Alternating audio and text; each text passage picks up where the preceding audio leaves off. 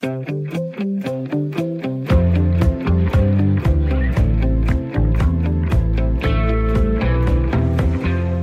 lytter, velkommen til Spørg Lægen her på Radio 4. Mit navn er Michael Christensen, og hver uge, lørdag efter lørdag, vil jeg sammen med min medvært og medlæge Heidi Hedegaard guide dig igennem de sundhedstemaer, der fylder allermest for dig, kære lytter, samfundet generelt eller i lægeverdenen. Det du lytter til er nemlig dit nye sundhedsprogram. Her kan du spørge mig, lægen om alt mellem himmel og jord inden for sundhed og sygdom. Intet spørgsmål er for småt eller stort, eller spurt, de unge slang for, hvem har ringet dig op, altså når et spørgsmål kommer, uden man er blevet bedt om det. Så i dette program fjerner vi spurtmuren, tabumuren og alle de andre mure, for her er alle spørgsmål velkomne. Derfor, kære lytter, er det nu, du skal lytte godt med, og måske finde en blok og pen frem, hvis du selv sidder med et spørgsmål. Programmet her er nemlig intet uden dig og dine spørgsmål. Derfor vil jeg meget gerne modtage dine spørgsmål på spørg lægen, snabelag, radio4.dk. Og som sagt, ingen spørgsmål er for små, store eller dumme. Alt er velkommen i indbakken, og så vil vi fra program til program gøre vores bedste for at besvare alle jeres spørgsmål. Det sker til sidst i programmet, og vi kalder det åben konsultation. Udover spørgsmål fra jer, kære lyttere, vil jeg hver uge tage et emne op, som jeg møder i min hverdag. Det emne vil jeg belyse med hjælp fra en særlig gæst, så vi forhåbentlig alle kan blive lidt klogere. Både på det, der foregår i min verden, den lægefaglige, men måske også på, hvordan vi selv går og har det. Det vil jeg i hvert fald bestræbe mig på. Derudover vil jeg også gerne punktere nogle myter og belyse nogle tabuer, så vi lettere kan tale om de ting, der gør ondt. For eksempel, hvorfor det er lettere at bede om fri, når du har brækket benet, end hvis du har det svært mentalt. Her kan vi snakke om både synlige og usynlige sygdomme, og alt uden filter i det trygge lægerum. Du kan derfor se Spørg Lægen som en times lang radiofonisk lægekonsultation lige her i din radio. Og inden vi begynder på dagens program, vil jeg da også gerne lige præsentere mig selv. Jeg hedder som sagt Michael Christensen, og når jeg ikke sidder bag mikrofonen og guider dig igennem, hvad der sker af sundhedsfaglige ting i Danmark og vores allesammens hverdag, så er jeg praktiserende læge i Roskilde. Jeg deler klinik med to andre dygtige og søde læger. En byklinik, hvor der er en bred sammensætning af patienter. Der er både de veluddannede patienter, som har konsulteret Dr. Google, inden de kommer til lægen, og de ikke ressourcestærke, som har brug for ekstra tid og ekstra støtte. Jeg har blandt andet arbejdet i New Zealand et år og oplevet, hvilke fordele der er ved at være en del af et dansk sundhedsvæsen. Vi er uanset lidt for mange negative historier, privilegeret ved at have et sundhedsvæsen, hvor der døgnet rundt er adgang til gratis lægehjælp, og hvor den praktiserende læge er en afgørende del af sundhedsvæsenet. Når jeg ikke arbejder i klinikken, kan du ære til møde mig i lægevagten, og ellers er jeg familiefar til tre børn, træner, midtbaneslider, straffe og frisbakskytte på et lokalt Aalborgs fodboldhold. Men nok om mig. Lad os få skudt det her program i gang.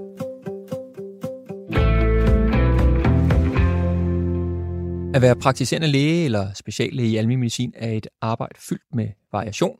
Den ene konsultation drejer sig om hjertesvigt, den næste om et barn med mellemørebetændelse. Så fjerner man måske et modermærke, og så er der altså også en del samtaler. Samtaler om stress, belastningsreaktion kan man også kalde det, mulig depression, søvnløshed, selvmordstanker og angst. Som praktiserende læge har jeg erfaring med både de tunge psykiatriske diagnoser som skizofreni, depression og ADHD, men jeg sidder altså også med personer, som ikke har en decideret psykiatrisk diagnose, men som har ondt i livet på den ene eller den anden måde. I den forgangne uge har jeg snakket med en 60-årig mand, som er blevet opsagt og som ikke kan finde et nyt job på grund af hans alder. Han har søvnbesvær og tristhed. Jeg har haft en ung kvinde med angst og borderline sygdom, som kæmper med at være mor, samtidig med at hun skal vende tilbage til arbejdsmarkedet. Og så en ikke sjælden problemstilling patienter, som er stresset på grund af deres arbejde og må sygemeldes for en periode. Det sætter gang i tankerne omkring, hvad det er for faktorer, der spiller ind på det mentale helbred. Hvad er det, der gør, at den ene person kan klare uforståelige mængder af belastning uden at gå ned med fladet, mens en anden ikke kan håndtere den mindste smule modgang uden at knække. Og hvad er det for nogle mekanismer i samfundet, som påvirker vores mentale tilstand negativt? Hvad kan vi gøre? Hvorfor har for eksempel en tredjedel af alle unge kvinder, de 16-24-årige, en lav skruer på den mentale helbredsskala i den seneste udgave af Sundhedsprofilen fra Sundhedsstyrelsen? Er det et samfund med fokus på at præstere uden plads til tvivl, og hvor man ikke kan være sig selv? Er danskerne egentlig så lykkelige, som vi også har ry for at være ude i den store verden? Den seneste udgave af Sundhedsprofilen fra Sundhedsstyrelsen, som sætter fokus på danskernes helbred, viser, at næsten en tredjedel af alle danskere scorer højt på stressskalaen, og at andelen af danskere med en lav score på den mentale helbredsskala er stigende. Som sagt er det en del af min hverdag at behandle personer med hardcore psykiatriske lidelser, og det er både spændende og krævende, men jeg oplever mere og mere, at jeg bevæger mig i psykosociale problemstillinger, som ikke omfatter egentlige diagnoser, og det kan bestemt også være udfordrende. Hvordan øh, hjælper jeg patienten videre? Det er ikke altid, jeg kan løse folks problemer, men jeg kan lytte, og jeg kan være der. Jeg plejer gerne at sige, at jeg ikke behandler sygdomme, men at jeg behandler mennesker. Netop derfor er det mentale helbred så vigtigt at have fokus på, og derfor har jeg valgt det som emne i ugens udgave af Spørg Lægen.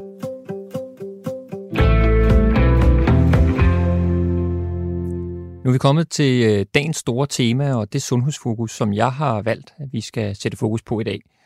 Jeg teasede før for, at det skulle handle om mental øh, sundhed, og det skal det også. Men helt specifikt, så vil jeg gerne zoome ind på den mentale sundhed blandt unge. Det er desværre ikke nyt. Øh, vi har de seneste år hørt meget om, hvordan den mentale sundhed er dårlig og bliver værre blandt folkeskoleelever, gymnasieelever og studerende i Danmark. Det kan være alt fra stress, angst, depression i større og mindre grad, andre psykiske lidelser. Men flere unge har også fortalt om et helt generelt pres i deres hverdag. Et pres over at skulle se perfekt ud, et pres over at have venner i virkeligheden, et pres over at skulle have venner på sociale medier, et pres over karakter, et pres over at skulle træffe alle de rigtige valg nu, så fremtiden bliver, som man gerne vil have det. Når der er mange krav til en, så kan det blive for overvældende, og det kan trigge flere øh, psykiske symptomer.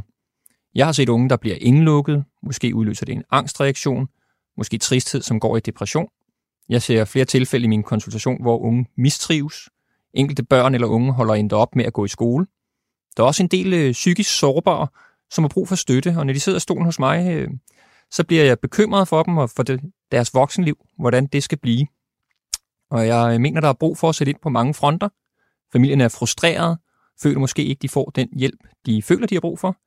Derfor er der brug for både løsninger, når det går galt, men også fokus på forebyggelse, så vi kan påvirke den mentale sundhed i positiv retning.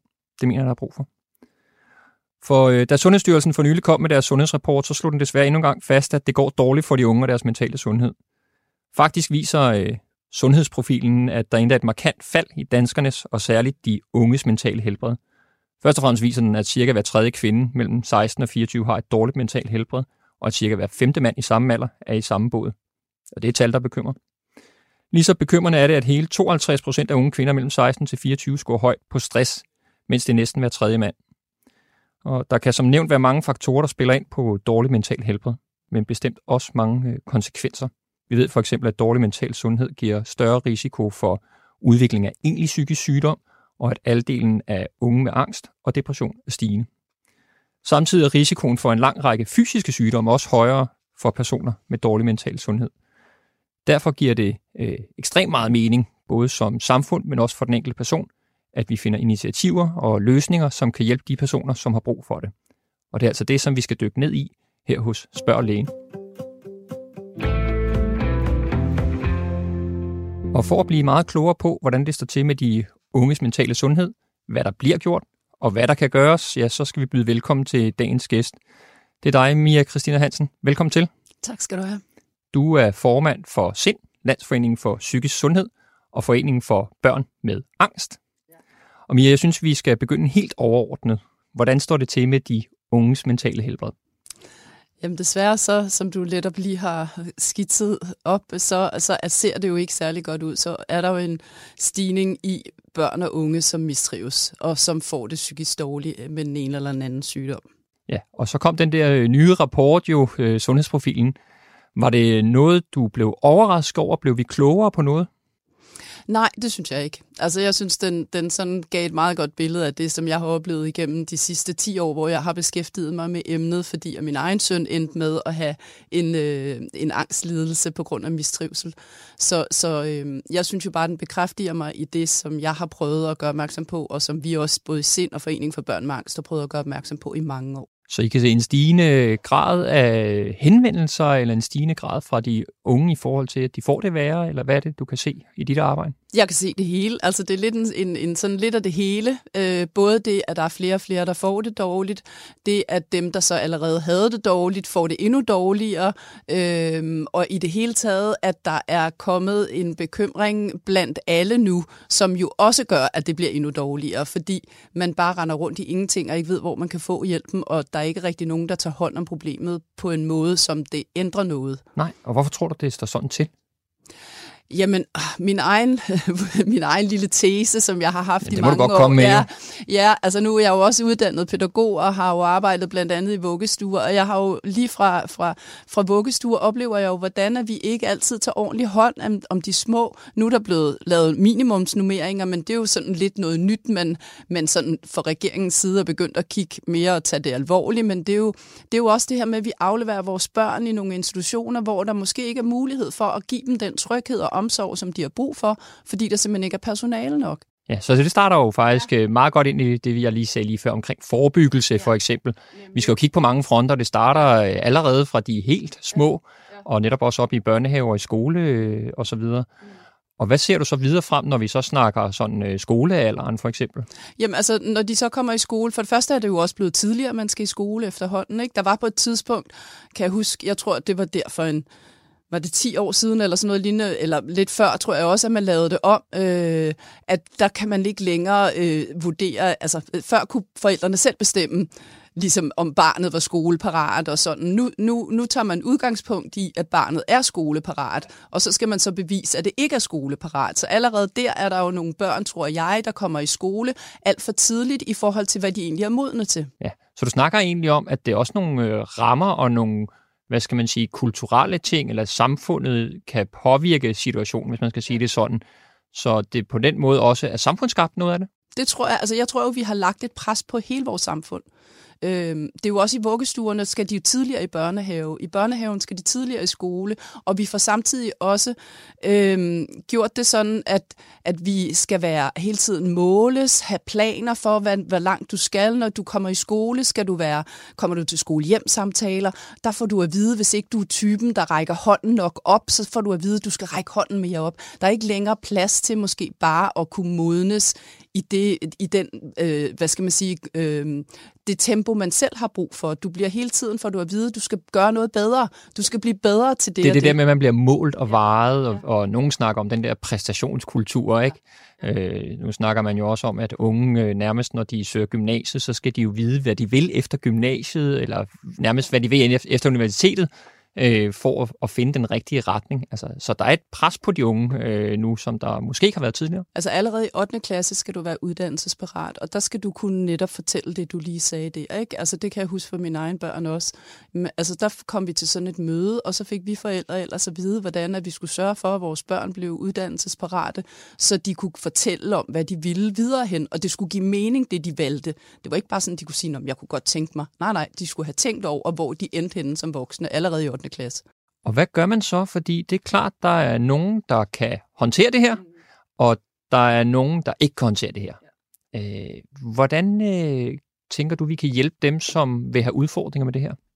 Altså jeg tror, at vi kan hjælpe meget ved, at vi jo alle sammen begynder, fordi jeg tror, det er jo en, en samfundstendens. Det er jo også os voksne, der har fortravlt og forpresset mange gange. Så hvis man måske kunne sætte lidt tempoet lidt ned i, i, i hele vores samfund og gjorde, at der også var plads til, at vi er forskellige. For det er vi som mennesker. Altså selvom vores hjerner er bygget sådan rimelig ens, så er det jo forskelligt, hvad, hvad vi reagerer på, hvilket miljø vi kommer fra, hvad vi har haft oplevet i vores opvækst. Øhm, og det tror jeg bare, at vi skal være meget mere opmærksomme på den forskellighed og det individuelle, og se mennesket bagved. Men jeg tænker også samtidig nogle gange, at det er et spørgsmål, som du selv siger, vi skal være bedre til noget, men der er også noget med ressourcer. Ikke? Altså der er noget med at have nok ressourcer, både menneskeligt, tidsmæssigt, økonomisk, i forhold til at håndtere de, nu kan jeg kalde dem patienter, vi kan også kalde dem børn og unge, eller voksne for den sags skyld, som er sårbare. Øh, så spørgsmålet er også, hvordan vi møder dem, der er sårbare, hvordan får vi samlet dem op, hvordan får vi fanget dem, Mm. Der tænker jeg jo, at hvis vi tager udgangspunkt i, at alle de her børn og unge, de gør deres allerbedste. At de prøver faktisk på at gøre det bedste, de kan. Så når de ikke kan, så er det ikke fordi, de er dogne og de ikke gider. Så er det fordi, at der er noget, der gør, at det er svært lige nu. Og så er det jo mange gange nemmere bare at trække sig fra det hele, øh, for så forsvinder problemerne jo. Og det er jo der, vi skal hjælpe dem med at komme ud, og ikke bare trække sig, men ligesom møde dem med åbenhed om, at vi ved, du gør det bedste. Ja, hvordan kan vi hjælpe dem? Øh, jamen, nogen skal måske tages i hånden, og der tror jeg igen, det er individuelt. Ikke? Men jeg tror, det allerførste, vi kan hjælpe dem med, det er ved ikke at tænke, ah, du vil også bare doven. Altså, vi har også en tendens til at sige, at ungdommen i dag er dogne og forkælet og kølingforældre. Så hvis vi måske kiggede på, at nu er der faktisk nogle beviser på, at der er rigtig mange, der mistrives, så det er måske ikke, fordi de bare er dogne og forkælet, og vi forældre ikke er gode nok til at opdrage dem. Det handler måske om noget andet, og så se på dem ud fra det syn. Og hvad så, hvis de mistrives? Altså, hvad skal man gøre, hvis man nu er en familie med øh, et barn eller en ung, der mistrives? Jeg tænker allerførst, så er det jo det her med at få håbet om, at det, selvom mit barn mistrives lige nu, så betyder det ikke, at de mistrives resten af livet. Du sagde selv det her med, at du bliver bekymret for den her unge, der kommer ind i din konsultation. Hvad sker der i fremtiden? Jeg tror, hvis vi allerede der begynder at lade være med at vise, vi er smadret bekymret for din fremtid, men sige, det her det er et problem lige nu, det skal vi have løst, men det betyder ikke, at du skal have det sådan her resten af dit liv. Nej, det er klart. Altså, det er jo ikke, fordi jeg sidder i talesætter og sidder og siger, ikke, men... det der, det går galt, øh, det er nu ikke lige sådan. Men det er klart, altså, det er jo fordi, som læge, så har man det perspektiv, man ved, hvor det nogle gange kan ende henne. Ikke? Altså det her med, som sagt, mistrivsel kan gå over i mange ting. Det kan gå over i skoleværing, altså så holder man op med at gå i skole, så får man ikke dannet de der sunde relationer, så kan det udvikle sig den ene retning. Og det er klart, mit mål er jo, øh, at den unge får den støtte, vedkommende skal have, til at kunne bevæge sig videre, og til at få, hvad kan man sige, få styrket sit selvværd, øh, og få nogle, nogle sunde oplevelser, nogle sunde relationer for den sags skyld. Og det er der, jeg tænker for eksempel det her med at få familien øh, med og få støtte. Øh, der er jo nogle, nogle mekanismer, nogle samarbejdspartnere. Ikke? Så, så nogle gange så ser jeg, at folk kommer op til mig med den unge. Nu har jeg for eksempel øh, for nylig en, en 10-årig, hvor øh, der er moren bekymret. Hun kommer uden barnet og fortæller mig, at, at der er noget. Og faktisk har jeg set det her barn for halvanden til to år siden, hvor jeg har henvist øh, barnet til, til, til børne- og ungdomspsykiatrien på det tidspunkt. Og, øh, og vi har også snakket om, at de skal have aktiveret det, der hedder øh, PPR, som jo er sådan en pædagogisk øh, psykologisk rådgivning, og det er jo så, hvor øh, der er noget rådgivning til skolelærer og de persona, personaler, der er i institutionerne, men som også laver rapporter til for eksempel til brug for psykiatrien for at vurdere, er det noget, der skal håndteres der. Der blev barnet ikke fanget, og nu kommer de halvanden til to år efter, og hun er bange for at skylle ud af toilettet, fordi hun tænker, der kommer slanger op. Hun sover med strømper på, fordi hun er bange for at blive nappet i, i fødderne af slanger. Hvordan ser du det her med, at vi gode nok til at få dem ind, dem vi skal fange, i forhold til at få dem ind og give dem den hjælp og støtte, de har brug for? Jeg tænker jo, at, at vi, øh, vi, skal have, vi skal have støttet de her børn allerede fra starten af, netop som du fortæller om, den her mor kom meget tidligt. Øh, det er jo den samme oplevelse, jeg selv har som forældre, at jeg jo oplevede, at mit barn havde det skidt, og jeg prøvede at få hjælp, og der var ligesom ikke nogen, der hjalp os, fordi de ligesom bare sagde, om det går over, eller det er dig, der ikke øh, formår det. Og hvor fik det. du den melding fra? Den fik jeg jo af, af skolen for eksempel, ikke? Øh, og hos lægen også, jamen, hvad hvis du gør sådan der, ikke? Altså, så, så den skulle helt derud, hvor han faktisk endte med at gå i skole, før vi fik hjælpen, ikke? Og, og, og der kunne jeg jo godt have tænkt mig, at jeg jo allerede der havde der været nogen, der ikke var bekymret, men sagde, ved I hvad, det har vi lige redskabet til her. Der findes det her angstbehandlingsprogram, som din søn kan komme i, og som han kan få hjælp igennem. Eller der findes det her kognitive adfærdsterapi, som kan hjælpe ham ud af sin depression, eller hvad det nu er, barnet har. Så, så man ligesom allerede der griber det. Så man ikke, som, som jeg oplever det nu, så bliver det ikke taget alvorligt, før det er så slemt, så barnet eller den unge faktisk ikke kan komme ud af døren længere. Og hvem har ansvaret for at give de tilbud? Jamen, jeg synes jo, at det er et fælles ansvar. Jeg synes, det er et fælles ansvar i, i kommunen mellem skole og læger. Jeg synes jo, at det her med sammenhæng, og det er jo også noget, det rapporten viser, der er ikke sammenhæng. Så hvis vi kunne få større sammenhæng og samarbejde blandt de mennesker, der arbejder med børnene til daglig, så tror jeg, at det kunne være en stor hjælp, og at man så ikke at de også havde mulighederne for at hjælpe. For det, jeg oplever, er jo også, at nogle af de her fagprofessionelle, de vil faktisk gerne hjælpe, ligesom du selv fortæller. Du har prøvet at sende dem videre, men det kom der ikke noget ud af. Og det er jo det, jeg oplever rigtig mange fagprofessionelle. De ved egentlig godt, hvad det er, der skal til, men de har ikke mulighed for at gøre det, der skal til. Nej, som jeg kan sige, jeg kunne tænke mig øh, flere ting. For det første, så kunne jeg godt tænke mig nogle gange, at en, et barn eller en ung, der øh, er, skal vi kalde det, potentielle risiko, at hvis jeg vurderer direkte, at der er baggrund for at gå videre, at man så ligesom tager den ind. nogle gange så skal man igennem det her PPR øh, inden, og så går der noget tid, kan man sige, også i den henseende. Og som praktiserende læser og samarbejde med PPR, det er jo ikke rigtig sådan så, så veludviklet, så vi kan ikke tale sammen for eksempel, og det vil jo give ganske stor mening, hvis man ligesom skulle samle op samlet set om, om barn og unge. Og så kan man sige, som du selv siger, der er jo faktisk tilbud derude, ikke? Altså, der er faktisk rigtig mange tilbud derude, som man skal opsøge, og som man bør kende til, og det er selvfølgelig svært at, at, at vide det hele. Øh, nu har der også været den her øh, 10-årsplan for psykiatrien, hvor man jo også nævner øh, fra Sundhedsstyrelsens side, at oplægget til det, at øh, der netop skal være bedre sammenhæng, og der skal være flere muligheder ude i, i det kommunale. Og tænker du, det fungerer godt nok derude med de tilbud, der er, hvis man først kommer derud? Nej, jeg oplever, at de er ikke let tilgængelige. Jeg oplever, at jamen det, for det første er det lidt tilfældigt, om der er nogen, der ved, om der findes et tilbud. Altså, og der kan være et tilbud i kommunen, som jeg oplever, en skole ved om, og en anden skole ikke ved om. Så oplever jeg jo også blandt andet PPR, når nu vi snakker om pædagogisk psykologisk rådgivning. Det er faktisk også ret individuelt, hvordan man i kommunerne bruger PPR. Jeg fik at vide, dengang min søn havde det dårligt, at der var det ikke PPR, der kunne hjælpe os, for de havde kun med børn, der havde indlæringsvanskeligheder at gøre. Så, så, så det er jo også, hvor er det kommunerne lægger fokus på. Nu tror jeg efterhånden rigtig mange er begyndt at bruge det til, til det her med børn, der mistrives psykisk. Men, men, så det er jo også for tilfældigt. Kan man lige få hjælp til det? Øhm, er det for tilfældigt, om den klasselærer, der er, ved nok, eller ved, hvor de skal gå hen og få viden, øh, har de erfaringer fra før, eller er der andre i gruppen, der har. Så, så derfor synes jeg, det er alt for tilfældigt, om det kan lade sig gøre at komme til de her. Og så er det også det her med, at man skal visiteres til et tilbud. Øh, blandt andet også det her angstbehandling i kommunerne. Og der har jeg jo oplevet nogle forældre fortælle mig, at de har fået at vide, at deres barn enten har for meget angst eller for lidt angst. Men, og, når, og så når man er i enten den ene eller den anden gruppe, og man ikke lige hører til ned i den der kasse, så hører man ikke til nogen steder. Hvordan kan vi så forbedre det? Jamen, jeg tænker jo altså det her med, at vi får kigget på, at vi skal have hjulpet forældre og børn lige så snart de henvender sig. Så kan det godt være, at man ikke skal rulle den helt store pakke ud, men så skal man måske starte et sted. Der er jo lavet forløbsprogram for børn og unge med angst og eller depression for eksempel. Men de forløbsprogram oplever jeg jo ikke er blevet udrullet. Jeg oplever ikke, der er nogen, når jeg er ude at holde oplæg omkring børn og som jeg gør nogle gange, og jeg spørger ud til sådan en gruppe med fagprofessionelle, det er jo meget sjældent, der er nogen, der ved, at der findes forløbsprogram.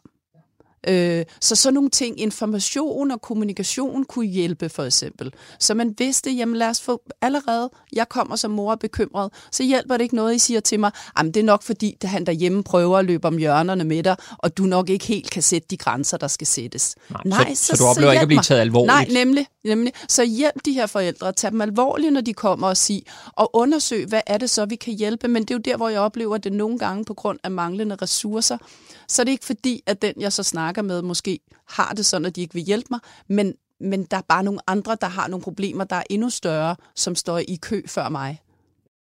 Hvad tænker du så for eksempel om de her børn, der nu holder op med at gå i skole og så videre? Hvordan kan vi så samle dem op? Man kan sige, der er jo noget, der hedder familierådgivning typisk i de enkelte kommuner, hvor man som pårørende kan ringe til. Øh, for de fangede folk godt nok ind. Ja, altså jeg, jeg var jo selv, altså nu er jeg, jo, jeg er jo selv faktisk en case, jeg har med her også. Fordi det oplevede jeg jo selv, at jeg, at jeg gik til familierådgivningen som noget af det første, for det var sådan en anonym rådgivning, jeg kunne gå ned i. Den er super god, fordi der, kan man, der kunne jeg, jeg forvente sådan nogle øh, problematikker, og hvad kan jeg gøre? Faktisk sagde hende, jeg var nede hos dengang, hvis du har tænkt dig at henvende dig i kommunen, så skal du være klar over, at det er en lang kamp, du står foran for at få hjælp det er ikke helt fordrende for, at man øh, har overskud eller har lyst til at gå ind i den egentlig, vel? Fordi i forvejen, jeg tænker, både som familie og pårørende til en, vi kan kalde en sårbar ung, vi kan kalde det en psykisk syg i det hele taget. Altså, det er jo også hårdt at være familie. Det kræver mange ressourcer, ikke?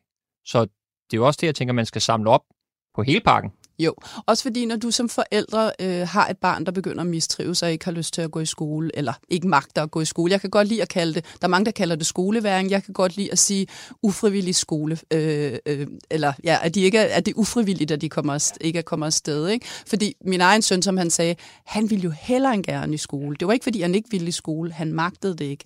Men det gik jo også ud over mit arbejde. Fordi når jeg om morgenen stod med et barn, som ikke kunne komme i skole, allerede når jeg vågnede, havde jeg jo ondt i maven over, ej, nu skal jeg ind og sige til ham, at han skal i skole, og jeg ved ikke, hvordan han har det, så begyndte mit nervesystem at være uroligt. Og så, så skulle jeg jo på arbejde. Hvis ikke han kom afsted, hvad så? Kommer jeg for sent på arbejde? Jeg, nogle gange måtte jeg tage ham med på arbejde. Så begynder min arbejdsplads at reagere. Så bliver jeg bange for, at jeg mister mit arbejde. Så det er jo også en ond cirkel. Men du sagde, hvad kan man gøre det der med at komme i skole? Altså når de ikke kommer i skole. Der tænker jeg jo også, at vi skal være meget mere innovative og ikke bare tænke, at hjælpen er over på skolen. Vi skal også hjælpe dem ud til børnene. Det, der hjalp min søn, var, at der kom en pædagog hjem til os og hjalp ham ud af døren, ud i skoven, ud at gøre nogle af de her gode ting, som du også nævnte om. At man får lavet nogle gode ting, at man får ro i sit nervesystem. Øh, og man finder ud af, jamen det kan, det kan jeg egentlig godt, fordi tit når de så får taget det første skridt, de her børn med hjælp, så kommer det jo også til at lykkes. Vi har blandt andet også i øjeblikket sådan et robotprojekt, hvor man får sådan en lille robot, der er, der er dig over i skolen. Okay. Så når du så ikke kan komme i skole, så i stedet for at være derhjemme og tænke, nu er jeg ikke længere en del af fællesskabet, kan vide, hvad de andre tænker om mig, og så tør man slet ikke komme næste dag, fordi de synes nok bare, at jeg er sådan en pjekker, der ikke kan finde ud af det. Så har du den der robot, som du så deltager i undervisningen med, som du selv styrer derhjemme. derhjemme du sidder hjemmefra med en iPad, og så kan du kigge med, og så kan du være med, du kan sige noget, de kan tage dig med ud i frikvarteret. Jamen, det fungerer rigtig godt øh, med dem, vi oplever, der, der har haft glæde af det. Selvfølgelig er det jo ikke igen det individuelt, hvad der hjælper på den enkelte. Men for dem, som har, har fået den her robot ud, som gerne har ville det, har faktisk haft glæde af det. Og så kan de de dage, hvor de ikke magter at komme i skole, fordi der er et eller andet, de har måske ikke sovet om natten, eller sådan noget, tankerne har kørt rundt i hovedet på dem, så når de vågner om morgenen, så, åh, så i stedet for helt at blive væk, jamen så er de faktisk stadigvæk en del af fællesskabet. Fedt, det lyder rigtig, rigtig spændende. Ja. Hvis vi et øjeblik øh, prøver at bevæge os lidt videre, hvad så hvis øh, vi nu siger, nu er man nået måske det svære skridt videre, så man har udviklet, skal vi kalde det, decideret psykisk lidelse. Hvordan oplever du øh, arbejde i psykiatrien, sammenhængen i psykiatrien? Hvordan er behandlingen? Altså jeg oplever igen, at der ikke er sammenhæng. Jeg oplever, at det er rigtig svært at få skabt det der sammenhæng for, for, for mange. Der er nogen, det fungerer selvfølgelig, men det der med, når du har været i psykiatrien i et forløb, og du så skal tilbage igen, og kommunen ligesom skal overtage hjælpen, så er der ikke altid, at, at det er nok, og der, det er ikke altid, det kan lade sig gøre. Hvad kan gøres bedre? Jamen igen det her samarbejde. Jeg tænker, at vi skal have meget fokus på samarbejdet imellem regioner, kommuner og praktiserende læger, øh, skoler, ungdomsuddannelser, hvad der ellers er. Øh, så, så der bliver lidt mere sammenhæng i det, så man kan støtte hinanden. Altså for eksempel, når man så bliver udskrevet for, for psykiatrien for et forløb der, at der så har været noget, hvor at skolen ved, hvad er det for nogle redskaber, vi har arbejdet med? Hvad er det for nogle mekanismer? Hvad er det for nogle strategier, vi kan hjælpe denne her unge med ud fra det, der har været i forløbet? Og der går ud fra, at dit job som øh, formand for øh, SIND er at være med til at udbrede det selvfølgelig. Kan du ikke øh, sætte på og på, hvad er det, I kan i SIND? Hvad er det, vi kan? Jamen, altså det er jo, vi, vi kan mange ting. Vi kan jo også selv lave nogle, altså noget af det, som vi rigtig gerne vil, det er jo også, at nogle af de ting, vi selv har, nogle af de aktiviteter, vi selv har. Lige nu har vi sat gang i noget naturprojekt, hvor at man kommer ud i naturen og går ture. Det er jo også en del af det at komme, så det er jo, at man har nogle fritidsinteresser, at man kan lave noget ud over det at gå i skole eller sådan noget, så man også bliver en del af et fællesskab. Ja, det er det, vi snakker også om at få, ja. skal vi kalde det, sunde oplevelser ja, nemlig, eller sunde nemlig, relationer, ja, ikke? Fordi nemlig. det viser jo med alle studier, at hvis man har nogle rollemodeller, eller hvis man har nogle ting, man kan støtte sig op af, så, så er det positivt og udvikler. ikke? Nemlig, altså så det er en af de ting, det her med at lave positive oplevelser, være en del af, af pakken, så derfor vil vi jo også rigtig gerne i spil i forhold til også psykiatriplanen, fordi der vi er faktisk rigtig mange organisationer, ikke kun sind, øh, men også andre øh, psykiatri øh, øh, organisationer, som også laver rigtig gode tiltag, som kan hjælpe de, de her mennesker, som får en psykisk ledelse. Samtidig har vi også øh, vores telefonrådgivning for eksempel. Der kan man jo også ringe og få, få hjælp og vejledning, for det er også noget af det, man mange gange mangler. Så det betyder, at hvis man netop går med et barn, man selv tænker, okay, jeg, jeg ved ikke helt, hvordan jeg skal gribe det an, jeg har brug for noget støtte, eller i hvert fald snak med nogen, så, så kan man selvfølgelig ringe både til kommunen, men man kan også ringe til, til jer. Det kan man nemlig. Altså både SIND har en landsdækkende telefonrådgivning, og i Foreningen for Børn med Angst har vi også en, at man kan ringe og få vejledning telefonisk også. Øh, og jeg oplever faktisk, at når jeg laver vejledning øh, for de forældre, jeg taler med, at bare det at tale med en, der har prøvet det samme, tale med en, der ved, hvad det handler om, og, og, og kan give noget konkrete øh, viden videre, det, det gør rigtig meget. Så det her med bare at, i det hele taget at sige, jamen, jeg ved, hvordan du har det, når du vågner om morgenen. Måske i virkeligheden også at vide, at man ikke er den eneste. Ja, altså nemlig, med ikke at altså, føle sig alene ja, og få ja. det talsat, at det ja, er okay. Det er okay, nemlig. Og, og, og det her med, det, det, det der med også at lære at stole på sin egen intuition. For det er jo også det, der mange gange er svært, både for, for de unge eller børnene, som, som har øh, angst eller andre psykiske øh, vanskeligheder og sårbarheder, men også forældre og pårørende. Det er også vigtigt, den der pårørende rådgivning, det der med, hvad gør man, når man har en i familien, som har det psykisk dårligt? Hvordan hjælper jeg bedst? Hvordan støtter jeg bedst? For det er også noget af det, der er rigtig svært. Oplever I, at I har fået flere henvendelser? Ja, det synes jeg faktisk. Altså Forening for Børn med Angst, vi får flere henvendelser. Og vi har de, også, bliver de tungere? Bliver de sværere øh, de situationer? Når de jeg synes, nej, jeg synes folk bliver mere og mere desperate. Ja. Jeg synes, den der sådan, desperation af, hvorfor kan jeg ikke få hjælp? Hvor kan jeg gå hen? Øh, hvad kan vi gøre? Øh, nu har vi sagt sådan og sådan. Nu var jeg til møde, og de siger, de vender tilbage om to måneder. Hvad skal jeg gøre i mellemtiden? Altså, øh, nu overdriver jeg med to måneder, men der er tit, der kan måske gå fire eller fem uger, eller længere, før man hører noget. Ikke? Eller man har været til et møde, og så, så hører man ingenting. Så er der radiostilhed bagefter. Ikke? Men øh, nu, nu begynder det stille og roligt at rulle igen, så vi håber på, at øh, på den måde kan det gavne de øh, unge eller dem derude, der har brug for støtten. Ikke? Og så det vindue, der er åbent nu. Ikke? Altså, det synes jeg virkelig, vi skal gribe chancen for nu at få snakket om vi vil gerne, altså jeg siger jo psykiatriplanen, øh, den 10-årige psykiatriplan, den siger jeg jo, at for mig er lige så vigtig som klimaplanen. Fordi det er en plan for menneskeligheden. Det er en plan, så vi mennesker ikke til sidst alle sammen ender med at være syge. Det var også en plan, vi har sukket lidt efter, øh, at der skulle komme noget udvikling, fordi psykiatrien har jo haltet øh, ret meget efter i, i prioriteringen, har indtrykket været. Øh, så den forventning og det indtryk, jeg har i hvert fald, at der er kommet mere fokus på det. Øh, jeg håber, at øh, det vil blive ved med at være sådan, jeg håber, det udmyndter sig i noget rent konkret og praktisk, så vi, så vi netop kan få bragt håbet, øh, så at sige, tilbage til familierne og de unge derude. Ja, og at vi tør at tænke anderledes. At vi ikke bare ændrer på systemet for systemets skyld, men at vi får ændret på det ud fra de mennesker bag ved sygdommen. Mia Christina Hansen, øh, tak fordi du kom i studiet og var med til at snakke lidt om øh, de unges mentale helbred. Formand for øh, Foreningen Sind og for Angst for Børn og Unge. Tak for det. Selv tak, fordi jeg måtte komme. Nu er vi kommet til den aktuelle sundhed. Det er den del af Spørg Lægen, hvor vi kort dykker ned i et helt aktuelt sundhedsemne. Og i dag, muligvis også de næste par gange, der vil vi her hos Spørg Lægen øh, dykke ned i den sundhedsreform, som Socialdemokratiet med sundhedsminister Magnus Heunicke i spidsen forleden fremlagde et øh, udspil til.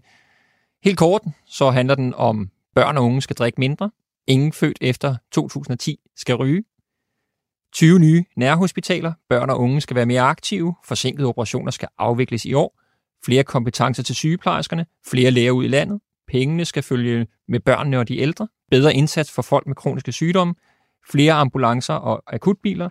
Og listen er lidt længere endnu. Med sundhedsreformen lægger regeringen op til at afsætte 6,8 milliarder kroner til perioden fra 2022 til 2028. Og regeringen skriver i udspillet, at den i forvejen arbejder på at løse psykiatrien, forbedre vilkårene for gravide, få ansat flere i ældreplejen og mindst 1000 nye sygeplejersker på de offentlige sygehus. I dag vil jeg gerne dykke ned i den del af udspillet, der handler om nærhedstanken og nærhospitaler. Øh, man vil flytte behandlingen nærmere patienterne. I den forbindelse er nærhospitaler en del af udspillet.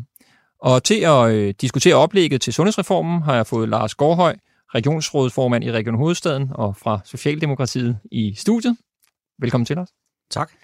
Lars, øh, kan du ikke lige starte med at fortælle mig, at øh, fra din stol, hvad er så de største udfordringer i sundhedsvæsenet i de kommende år? Der er desværre mange, og øh, en af de meget aktuelle, vi står i, det er jo selvfølgelig, at vi har øh, udfordringer med rekruttering og fastholdelse. Det er man nødt til at nævne som en af de brændende platforme. Øh, et andet felt, som optager mig meget, det er også, at vores psykiatri den øh, skal have et ordentligt løft, og der er selvfølgelig også en 10-årsplan på vej, så psykiatrien er også et stort, øh, en stor udfordring. Og så synes jeg jo egentlig også, at noget af det, som øh, der også bliver angrebet i den her øh, reform, øh, hele øh, forebyggelsesdelen, det er jo ikke normalt øh, det, som vi står for i, i regionerne og i, på hospitalssiden. Men det er jo klart, at øh, forebyggelse, det ved vi godt, kan vi blive bedre til det i vores land, jamen så vil det også give øh, forhåbentlig et, et, et, et mindre tryk på vores hospitaler. Altså jeg tænker for det første, så tror jeg, at du kan finde rigtig mange emner inden for sundhedsområdet, der er relevante, uanset hvad det er. Nu øh, i dag har vi øh, fokus på mental sundhed blandt de unge, mm. som jo også er et af de ting, der, der er oppe i tiden og, og fuldstændig øh, øh, aktuelt. Øhm, synes du, at den her reform giver dig et øh, grundlag for at løse de udfordringer, som du snakker om? Jeg synes i hvert fald, det er rigtig godt, at det, som, øh, som øh, sundhedsministeren slår an, nemlig med at kigge på de unge, det synes jeg faktisk er ret godt, fordi øh, man kan altid diskutere, om det er den ene eller den anden måde, man kommer i mål med tingene på. Men det med at have nogle visioner omkring unge, vi skal sørge for, at de unge de ikke kommer i gang med at ryge, det vil redde os utrolig meget. En ting er selvfølgelig de konkrete mennesker, det handler om. Alle kender tallene, at tusindvis dør af røg hvert eneste år. Men, men det, er jo, det er jo en vision om at prøve at komme af med det her. Det synes jeg er virkelig godt. Og det andet, du selv nævner, den mentale mistrivsel, kæmpe udfordring, og den er voksende. Kan vi få sat ind her? Det vil, det vil være en landevinding for os, det er jeg ikke i tvivl om. Og så er der selvfølgelig det med bevægelsen. Fedmen er også et, et problem i hele den vestlige verden, ligesom alkohol, alkohol også er det. Så det at kigge på de unge, det synes jeg er rigtig godt. I forhold til nu nærhospitalerne for eksempel, for at vi kan snakke mm. om dem, så kan man jo sige, øh, der er nogle idéer til nærhospitalerne, men præcis hvad de skal indeholde og, og hvordan det skal løses, øh, det står heller ikke helt klart. Nej, og det er jo også en, øh, kan man sige, det bliver nok en lidt, lidt spændende proces i virkeligheden, og jeg kan jo sige fra, fra Region Hovedstadens side, at det er jo ikke os, der har de store afstande, så det er jo ikke her, at, at der skal ligge Nej, så det mange. Nej, det til at sige, fordi ja. Region Hovedstaden, man kan sige, der er jo selvfølgelig nævnt øh, Helsingør og ja. Frederikssund, men Region Hovedstaden er jo nok ikke det område med, med størst problemer med rekruttering, tænker jeg. Jeg tænker, øh, øh, Harne Knudsen nede i, i, altså i Region Sjælland, han vil øh, kigge på det, og så vil han sige, jamen okay, et, øh, et nærhospital i Nakskov, hvordan skal jeg sørge for at få øh, øh, læger, sygeplejersker, folk til, til det nærhospital? Mm. Jamen det, det skal nok blive en, øh, en spændende udfordring øh, i Nakskov og, og andre steder. Men jeg tror også, man er nødt til at sige, altså, øh, vi har lige været, nu siger vi, at vi er kommet igennem, men altså, vi har været igennem en pandemi, og der må man også sige, der kan man se, øh, i hvert fald som regionsrådsformand, at vi har lært rigtig, rigtig meget i forhold til at få nogle gode samarbejder Hvordan det? Øh, med de praktiserende læger for eksempel, men jo også i forhold til at bruge digitale ydelser meget mere, end vi har gjort før. Altså det er ligesom, der har været meget dårligt ved pandemien, men en af de gode ting er, at vi har, vi rykker lidt sammen i bussen, og vi har taget nogle skridt lidt hurtigere, end vi måske ellers plejer at gøre. Og derfor tror jeg også, at vi også har nogle borgere, øh, som altså kronikerne og også mange pensionister for eksempel, øh, som, som egentlig gerne vil bruge nye digitale øh, virkemidler, i stedet for at skulle øh, bevæge sig frem og tilbage. Og der, der tror jeg faktisk, man kan lave noget fornuftigt. Og det var derfor, jeg var i gang med at nævne Helsingør, fordi man er jo lidt foran i Helsingør, fordi øh, der, der har kommunen... Der er jo et sundhedshus i, i foran også. Præcis, og der bliver bygget et nyt meget større og meget flot, som øh, Helsingør Kommune bygger, og vi som region, vi leger os ind på, tror jeg, 1100 mm. kvadratmeter. Og det bliver jo et mix af kommunale og regionale aktiviteter, og private også. Og hvordan fungerer det så i forhold til, nu snakker vi om nærhedsprincippet, fordi når man laver et ekstra øh, led, som, øh, som et nærhospital er, så kan det principielt blive hvad kan man sige, endnu en sektorovergang i forhold til praktiserende læge videre ind til, skal vi kalde det supersygehuset. Øh, kan man være bekymret for, at, øh, at vi putter for mange led ind, altså i forhold til sådan øh, byråkratiet og i forhold til netop de her sektorovergange? Ja, det skal man det skal man have fokus på, når vi, når vi begiver os ud på, på den her øh, øh, udviklingstur sammen.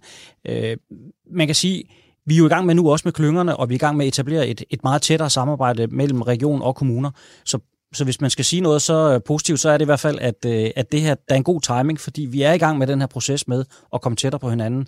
Men man skal være opmærksom på det, at der ikke bliver for mange lag og sektorgange. Enig. Nu kigger vi på, at den øh, tidligere regering havde jo de her sundhedshuse. Mm-hmm. Nu er det nære hospitaler. Hvad er egentlig forskel? Jamen det tror jeg, vi skal diskutere med hinanden i den kommende tid, øh, for at være helt ærlig. Der er fordi, noget at diskutere. Ja, det minder jo, det minder jo meget om hinanden, ja. det gør det jo. Og, men det, der er centralt for mig, det er i virkeligheden, at det, som, som er det nære, og som giver god mening i det nære, det får vi ud nu, og, og kan være nært.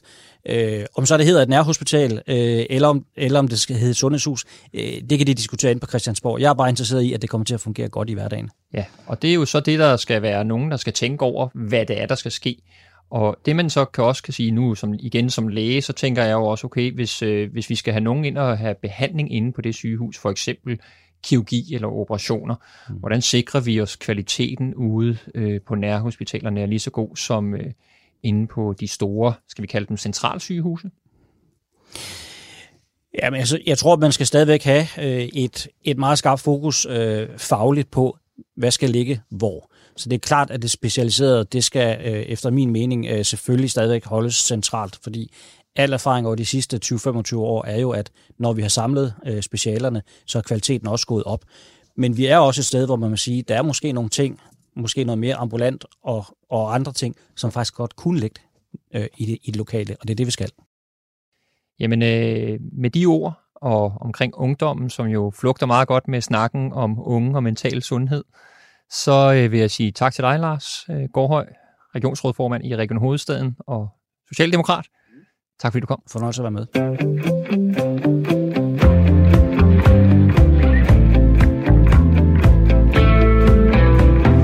Og nu kulminerer programmet så i den allervigtigste del, nemlig åben konsultation. Det er hele eksistensgrundlaget for programmet. Det er her, jeg besvarer dine spørgsmål, kære lytter.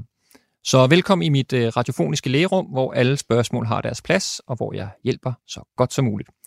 Ingen spørgsmål er dumme, for små eller store, og du sidder helt sikkert ikke alene med dine spørgsmål, og du kan spørge ind til alt om sygdom og sundhed. Har du hudsult? Vil du gerne tabe dig? Eller er du i tvivl om, hvorfor din urin pludselig lugter mærkeligt? Så kan du sende dit spørgsmål til sl radio 4dk Du kan sende dit spørgsmål helt klassisk ved at skrive en mail.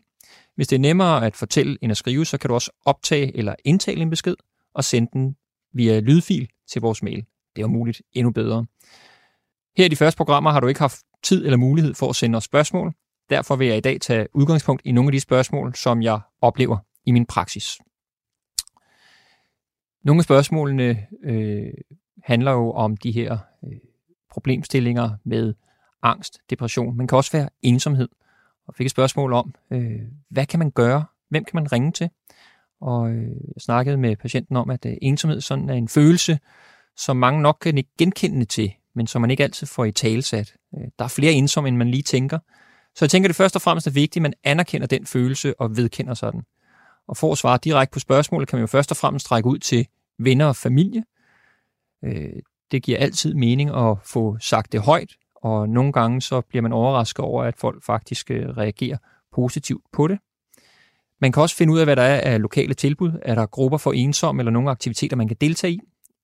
Ikke sjældent så afholder man sig fra at tage alene til noget, fordi man lader alle mulige tanker overtage om, at det er pinligt, eller hvad vil de andre tænke. Men tænk lige over det. Hvad er det værste, der kan ske? Der findes flere telefonlinjer, man kan ringe til, både øh, Psykiatrifondens telefonlinje, Startlinjen, Ældresagens telefon.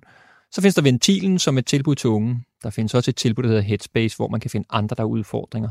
Der er i det hele taget rigtig mange tilbud derude. Hvis ensomheden er så overvældende, at den medfører andre psykiske symptomer, for eksempel vedvarende tristhed, bør du måske også overveje at snakke med din egen læge. Et af de andre spørgsmål, jeg har haft i løbet af ugen, var øh, en patient, der øh, snakkede om at hoste blod op. Hvad kan det skyldes? Og øh, ophostning af blod eller blodigt opspyt kan skyldes flere ting. Det kan være helt godartet, som for eksempel en rift i slimhinden i luftvejene i forbindelse øh, med kraftig hoste. Det kan også skyldes mere alvorlige sygdomme, såsom blodprop i lungen, infektioner som for eksempel tuberkulose, eller det kan være et tegn på lungekræft. Uanset hvad, synes jeg, du skal kontakte din egen læge, hvis du oplever det. Hvis du har åndenød eller smerter samtidig, så skal jeg bede dig om at kontakte lægen straks. Og det samme skal du gøre selvfølgelig, hvis det er større mængder blod, du hoster op, og ikke blot en enkelt klat. Det var øh, de spørgsmål, jeg havde valgt at tage med til dagens åbne konsultation.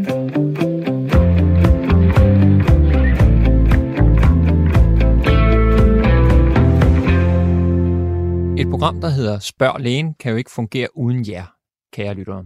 Derfor er vi så glade for alle de spørgsmål, vi begynder at modtage. Bliv endelig ved med det. Men vi læger har også nogle spørgsmål til jer, og de sundhedsudfordringer og problemer, I går og bakser med. Derfor har vi her programmet nogle husvinder, som vi følger, og hvor vi spørger ind til deres forløb. Vi håber, vi på den måde kan følge med i både op- og nedtur, når det kommer til et rygestop, et vægttab, en nedtrapning af medicin, eller hvad det nu kunne være. Og derfor øh, har vi nu øh, ringet til dig, Anne-Sophie Terp øh, Ravn. Du er 25 år gammel og bor i København. Velkommen til. Mange tak, hej.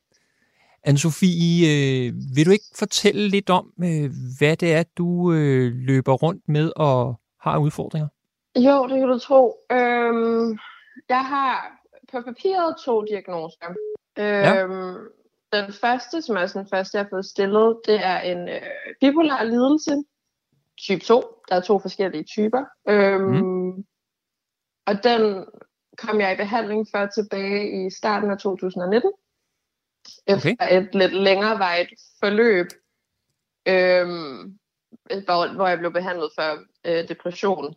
Øhm, Hvad skete hvad? der der? jamen, øh, hvad hedder det? Jeg har haft en lang historik i det meste, min, altså min teenage alder, som jeg kan huske, for de her op- og nedture, og så tror jeg, at jeg nåede ud et punkt, hvor det var, det var begyndt at gå rigtig galt, og jeg var rigtig, rigtig ked af det, og havde det skidt, og endte med også at være i far for mig selv.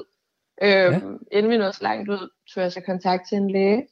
Ja, din øhm, egen læge, eller hvem min, skulle fat i Ja, min egen læge. Øhm, desværre gik det lidt langsomt, og jeg fik en henvisning, men jeg fik at vide, at det, det kunne være, at jeg skulle vente du ved, 15 uger på at kunne snakke med en eller anden, hvor jeg havde det jo meget sådan, at nu havde jeg ligesom taget mig sammen til at gøre noget, fordi det var også nu, der skulle gøres noget. Ja, øhm, så hvad, hvad, hvad gjorde du så? Mm, der går ikke mere. Jeg tror over sådan tre uger snakker jeg med en fra lægekontoret næsten en til to gange om ugen, og så til sidst ja. så bestemmer de sig for, at nu er de så bekymrede for mig, at de så sendte mig ud til akutvurdering på Bispebjerg Psykiatri. Ja. Øhm, og blev så med det samme startet op i et program for deprimerede unge øhm, i en af på Nandersgaden på Nørrebro. Øhm, ja. Og så var, var det jeg godt? der. Mm, det, altså, jeg synes, det var svært. Øhm, og det er fordi, at jeg var, det var en ung gruppe, så jeg var en af de ældste.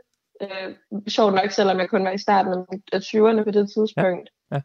Ja. Øhm, så jeg synes, det var svært, fordi at jeg følte alligevel, at der var en ret stor kontrast på, at være mig, der bor alene og havde været i gang med en uddannelse, og så være 18 og bo hjemme.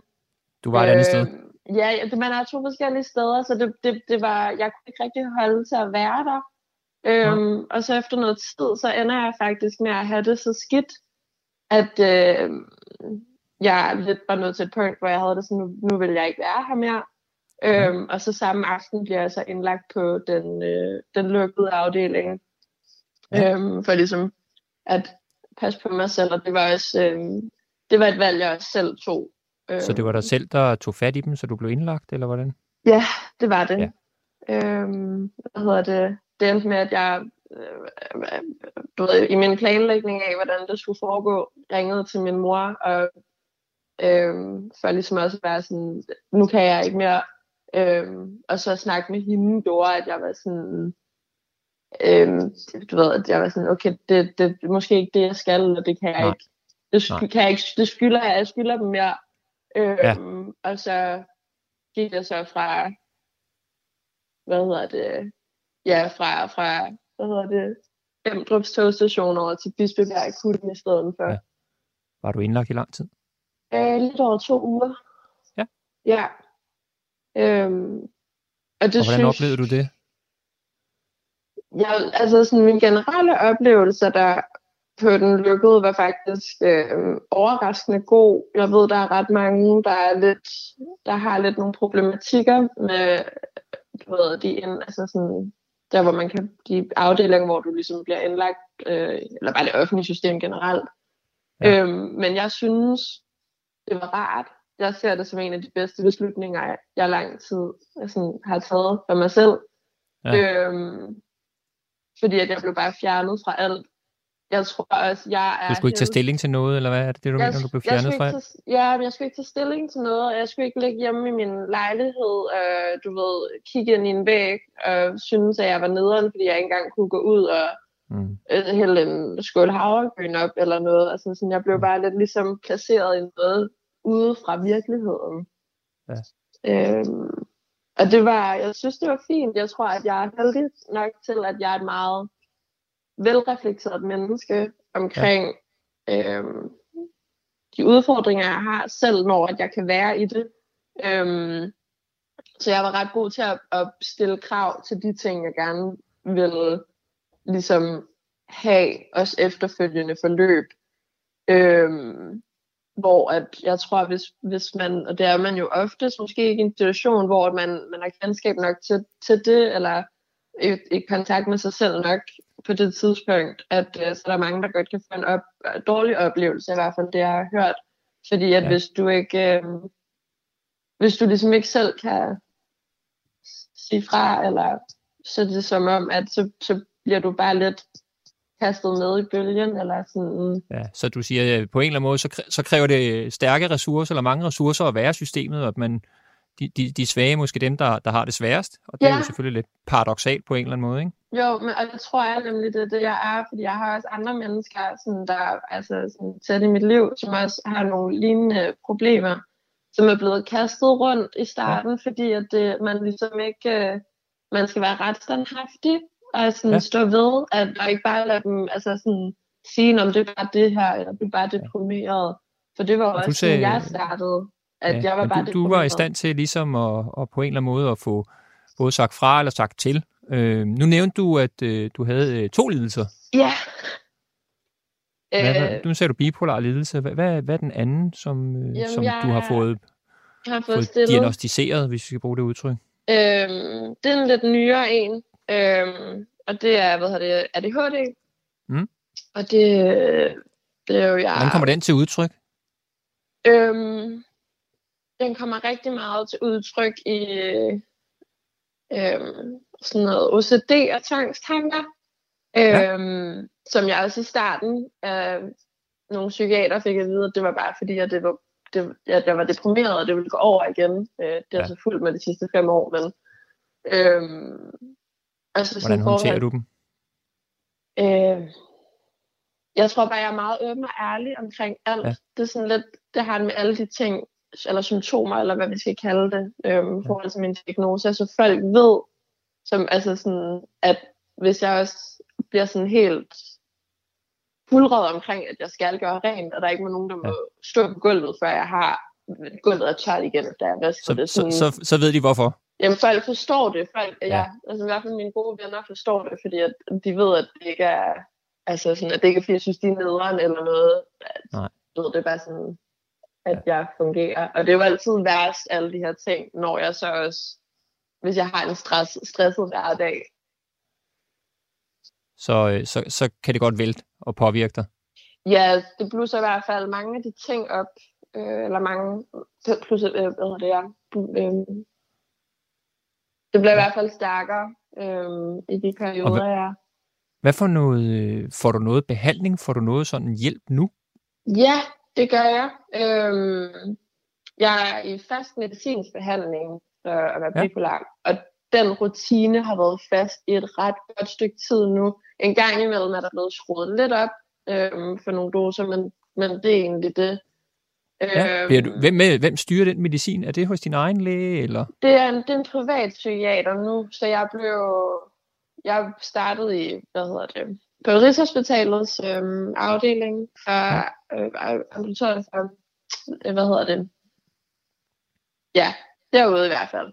Ja. Øhm, og, der, og nu er du hos den private? psykiater? Ja, man plejer at være der i to år nemlig. Øhm, så ja. var jeg der lidt længere, fordi grund af corona var der lidt længere ventetid til psykiater. Ja. Men øhm, så nu har jeg min egen, og det er også hende, der har øh, stillet, hvad hedder det, det med ADHD.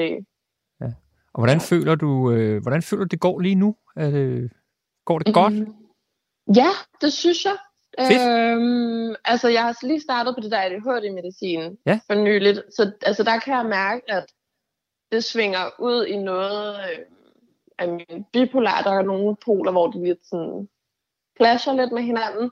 Okay. Men ellers så går det meget godt, og det har det i et godt stykke tid, så der er jo stadigvæk altid op- og nedture.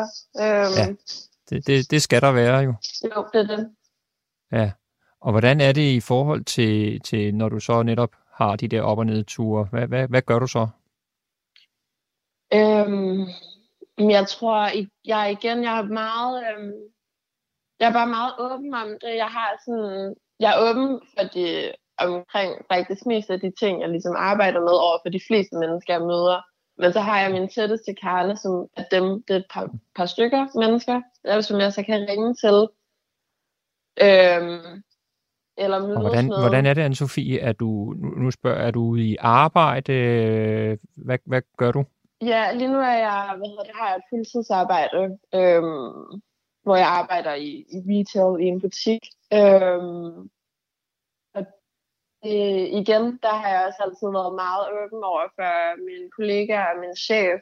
Øhm, altså, så hvis jeg har en uge, hvor jeg ikke er mentalt til stede, at at det ikke bliver mistolket. Ja, så altså jeg tror, øh, jeg kan jo godt høre, at du, du er øh, velreflekteret og åben omkring det, og øh, jeg tænker også, det er rigtig fedt, at du øh, vil være med i det her øh, program, og øh, jeg tror, det er vigtigt både at få et talesæt og få sat nogle ord på det, fordi jeg tror, noget af det her omkring det her med psykiske lidelser, det er vigtigt at få snakket om det. Så ja. øh, Anne-Sophie Terbraun, øh, tak fordi du var med. Jeg ja, håber, vi må ringe igen i fremtiden og høre, hvordan det går. Det kan I tro i morgen. Super. Tak skal du have. Tusind tak. Tak. Hej. Hej. Og med det farvel til øh, Anne-Sophie Terbraun, så vil jeg også gerne sige farvel til jer derude. Det var alt, hvad vi nåede for i dag. Jeg håber, I har været glade for, hvad I hørte, eller i hvert fald fundet det interessant. Og husk, I er velkommen til at sende mig jeres spørgsmål om sundhed og sygdom på sl radio 4dk Tak for i dag. Jeg hedder Michael Christensen. Vi tales ved.